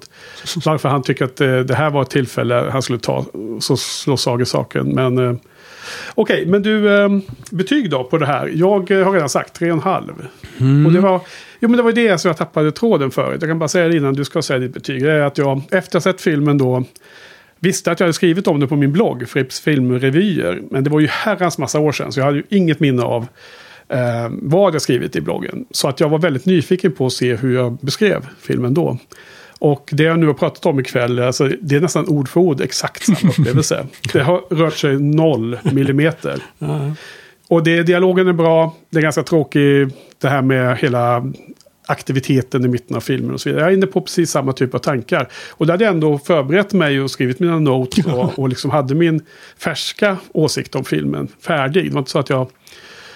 eh, Jag tror inte jag blev speciellt påverkad av min gamla text, men det var väldigt fascinerande att, den, eh, att det var så samstämmigt. Så att ibland så hjälper det tydligen inte att se om filmen då. Utan det får i så fall bli tredje gången gilt för mig då. Nå- eh, o- Oklart om jag ska se om den någon gång i framtiden. Men det finns ju en precis. Criterion Collection-utgåva på det här. Så att vem vet, det kanske händer att Ja, den ska ses någon gång. finns andra filmer. Men vad var det du... eh, Ja, precis. Det finns andra. Man kan välja eh, Extraction 3 eller sånt. Men du, vad tyckte du då? Vad är det för betyg nu då? Vad, allt det här, vad leder det till? Ja, ehm, alltså min eh, generella uppskattning av, eh, av genren har ju eh, stärkts över tid sen jag såg den senast. Och just det här att ehm, kunna njuta av dialogen scen till scen eh, är nog starkare än tidigare. Så jag tror att det blir en fyra trots allt. Mm. Ja, men det är bra. Härligt. Så, mm. Fyra, då kan du ändå se det som att det är en, blir något av en favoritfilm och så. Du kan Ja, ha med precis. den på listan till Måns nästa gång. Ja, det är frågan alltså. Ja. Eller, ja, alltså det, den är ju verkligen eh, eh, bra exempel på bra filmer, absolut. Ja. Men det finns andra som jag tycker mer om, eh, kanske. Mm. Men eh, en, ja, man blir lite nyfiken på att se mer eh, filmer med Barbara Stanwyck. Jag tror inte jag har sett Den, den fula kallar annat. Här är Shiny-podden. Kallat, precis. Nej eh, då, skojar bara. Fred McMurray tror jag att jag har sett lite här och där. Eh, Det var slående vad lik eh, Ed Helms han är. Jaha, I vissa scener i alla tyckte fall. du? Ja. Ja. Man skulle eh, gärna se en remake. Ja, ja, kanske. Nej, men jag tyckte inte han stack ut så mycket. Eh, varken utseendemässigt eller något annat. Jag tyckte han var en lite mer neutral figur i mina ögon i den här filmen. Mm. Det är lite så jag tidigare har sett honom som ett trist träig skådis. Det är ju väldigt många av de här eh, noir-gubbarna som är lite träiga.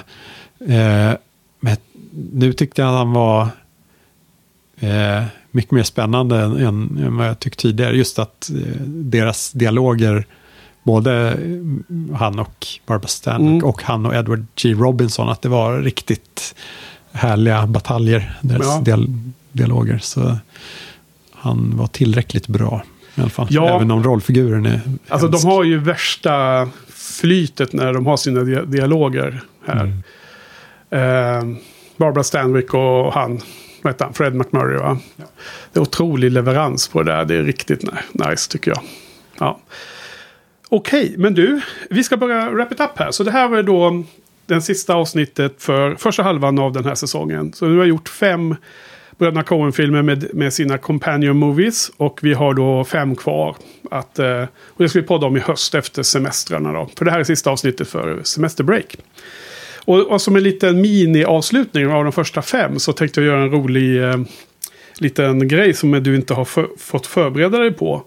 Eh, och kolla lite vilka som är favoritfilmerna i de paren vi har kört. Fem, fem eh, Coen-bröder filmer som har utmanats av sina companionsfilmer. Och nu ska vi tillägga att det är inte en tävling här. Det var inte därför vi gjorde det här upplägget. Utan det var mest att vi ville få lite variation och se lite nya filmer oftast. Och det andra är att vi har inte valt filmerna som, som är companion ur det perspektivet. Varken att de ska vara svaga eller starka.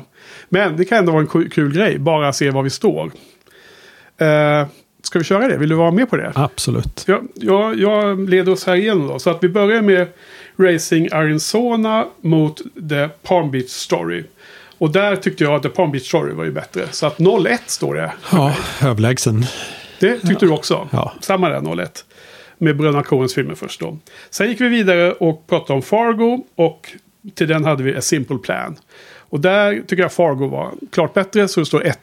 Jajamän, ja, förkross förkrossande. Ja. ja.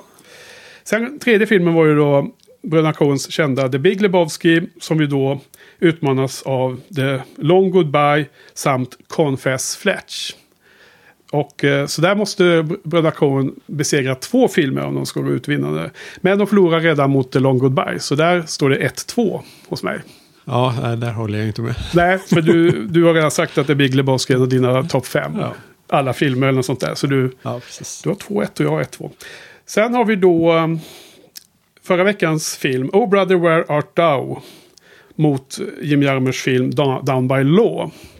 Och där sa jag förra veckan och står fast vid att jag tyckte Down by Law var den klart bättre filmen. Så där står det då 1-3 ja, hos mig. Och 3-1 för mig. Ja, för du gillade Bröderna Coen igen där. Ja. Och sen idag så har vi då The Man Who Wasn't There mot Double Indemnity. Och där tyckte jag Bröderna Coens film var klart bättre. Så vi går upp till 2-3. Mm, och jag tycker att det är knappt tvärtom. Ja, så. Du, du har 3-2. Ja. ja. Jag vet inte vad det där var egentligen, om det leder någon vart, men ja. Ja, men ändå det var det. Ja, genomgång av vad vi har sett Ja. och eh, att det är viss, viss variation i alla fall. Ja, det är väl tur det, Det kan man säga. Ehm, och då ska vi säga här, eh, nu är vi en bit in i juni, det här är väl runt midsommarhelgen eller vad det kan vara. Eh, som det här kommer ut, tror jag, om en vecka.